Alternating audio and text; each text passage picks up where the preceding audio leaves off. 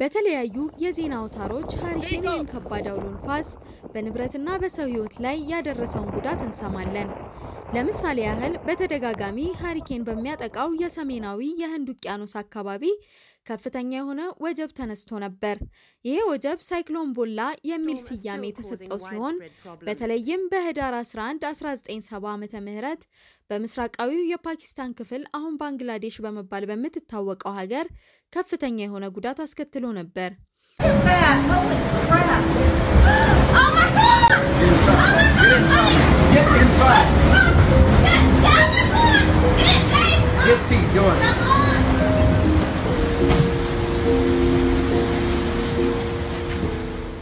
ይበልጥ የሚያወሳስበው ደግሞ የህዝቡ የኑሮ ሁኔታ ነው።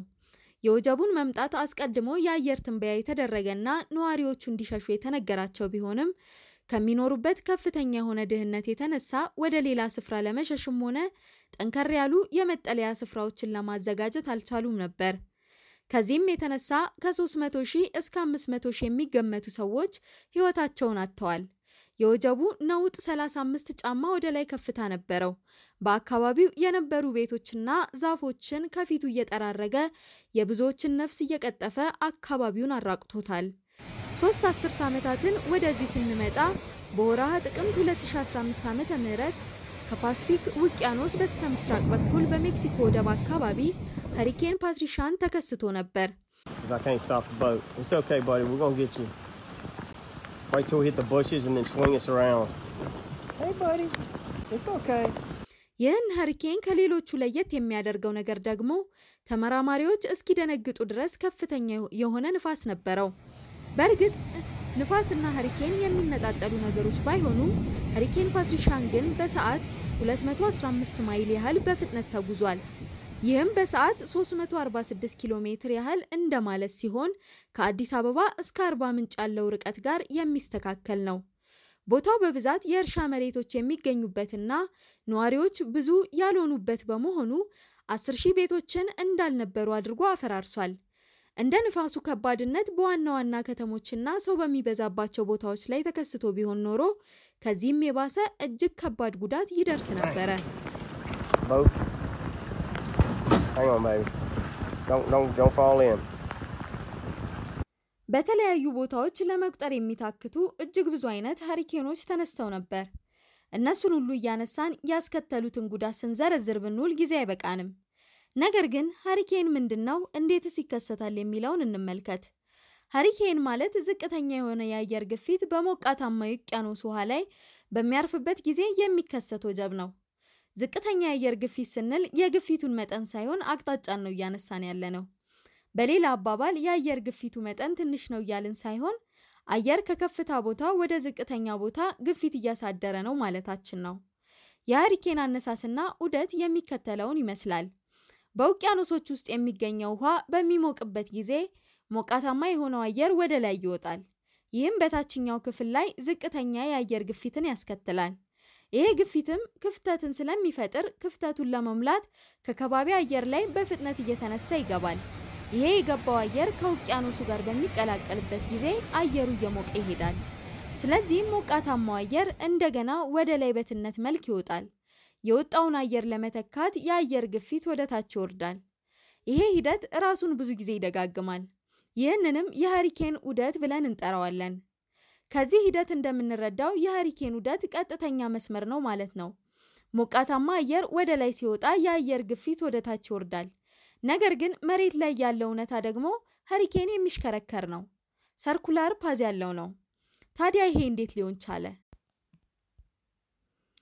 ወደ ሰማያት የሄደው ሞቃታማ አየር ደመናን ይፈጥራል።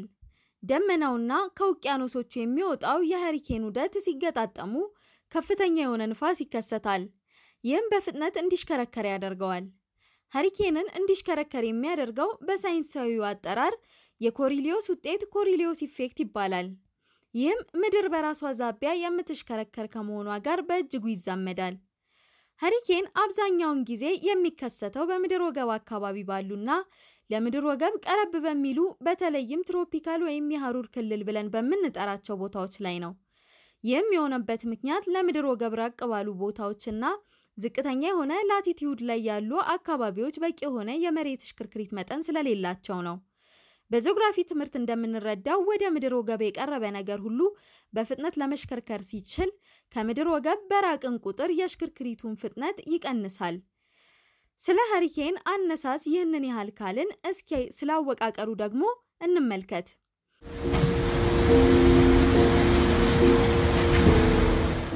የሀሪኬን መሃል ላይ ያለው ክፍል የሀሪኬን አይን በመባል ይጠራል። የሀሪኬን በጣም ሰላማዊ የሆነ ክፍል ይኸው አይን የሚባለው አካባቢ ነው።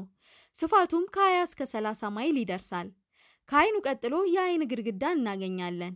ከአይኑ ግድግዳ ቀጥሎ የሚገኘውና ሰፊውን ክፍል የሚሸፍነው ከሁሉም የሀሪኬን ክፍል እጅግ አደገኛው ነው።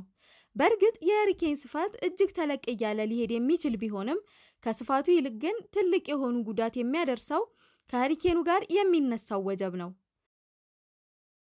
Since you guys can't hear me when I'm actually out here in the storm, I'm overdubbing this, but we are in Punta Gorda, Florida. The eye wall of N is currently bearing down on us. Insane winds, lots of water, debris starting to fly everywhere, and you know you're in the right space when you show up at the same place as Jim Katori. ዋናው የሀሪኬን ክፍል በውቅያኖሶች ላይ ወዲና ወዲያ እያለ ሲተራመስ በውሃማ አካላቱ ውስጥ ያሉ ብዝሃ ሕይወትን እና መርከቦችን አደጋ ላይ ይጥላል። ቢሆንም ግን ከወጀቡ አንጻር ሲታይ የሚያስከትለው ጉዳት እምብዛም ነው። ከሀሪኬን መነሳት ጋር ተያይዞ የሚነሳው ወጀብ ግን በየብስ የመሬት ክፍል ላይ ስለሚጓዝ ከፍተኛ የሆነ ውሃ የተቀላቀለው ንፋስ ከተማዎችን ያናውጣቸዋል። ይህም መኪኖችን፣ ዛፎችን፣ ህንፃዎችንና የተገኘውን ሁሉ እየጠራረገ ይወስዳል። ከዚህ ሁሉ በላይ ደግሞ የሰውን ህይወት ይቀጥፋል። ይህ ሁሉ ጉዳት የሚያስከትለው hurricane መልካም ነገር አለው ብትባሉ ታምናላችሁ? hurricane ለዓለም የሚያበረክተው አንድ ጥቅም አለው።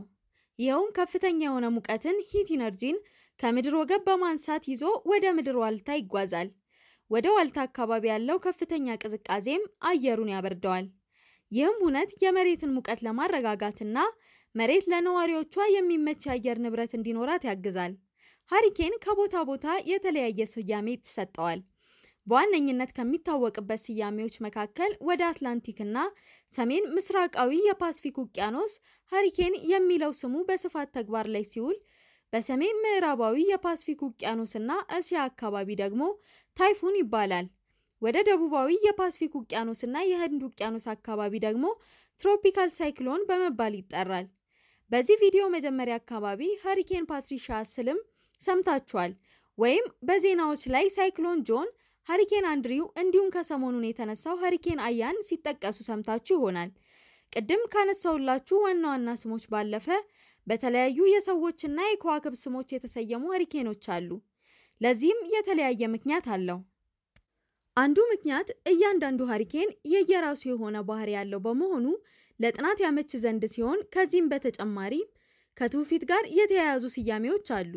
ለምሳሌ ኤልኒኖን ብንወስድ በደቡባዊ አሜሪካ አካባቢ የሚከሰት ሲሆን ኤልኒኖ የተባለበት ምክንያት ደግሞ የሚከሰትበት ወቅት በኢየሱስ ክርስቶስ የልደት በዓል መታሰቢያ በመሆኑ በስፓኒሽ ቋንቋ ሕፃኑ ልጅ ለማለት ኤልኒኖ በማለት ይጠሩታል። ሀሪኬኖች አምስት ዋና ዋና ምድብ ያላቸው ሲሆን የመጀመሪያው ምድብ ከ74 እስከ 95 ሜትር በሰዓት የሚጓዝ ንፋስ አለው። ሁለተኛው ምድብ ደግሞ ከ96 እስከ 110 ሜትር፣ ሶስተኛው ምድብ ከ111 እስከ 129፣ አራተኛው ደግሞ ከ130 እስከ 156 ሰዓት ይጓዛሉ። የመጨረሻው ምድብ ከ150 ሰዓት ጀምሮ ያሉትን ያካትታል። ከሌሎች የተፈጥሮ አደጋዎች ሀሪኬንን ይበልጥ ከባድ የሚያደርገው ቆይታው ነው። የመሬት መንቀጥቀጥ ወይም ሰደድ እሳት በአንጻሩ አጠር ላሉ ቀናት ሲቆዩ፣ ሀሪኬን ግን ለሳምንታት ብሎም ከዛ በላይ ሊቆይ ይችላል። እስከ ዛሬ ድረስ የተመዘገበው ከፍተኛው ጊዜ በሄሪኬን ጆን ሲሆን ለ31 ቀናት ያህል መቆየቱ ተነግሯል።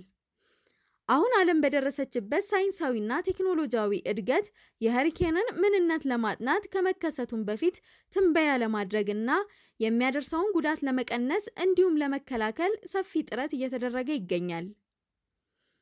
መልካም ሰምታችሁ መልካም ሰርታችሁ የምትውሉበት ቀን ያደርግላችሁ። ቸር ሰንብቱ።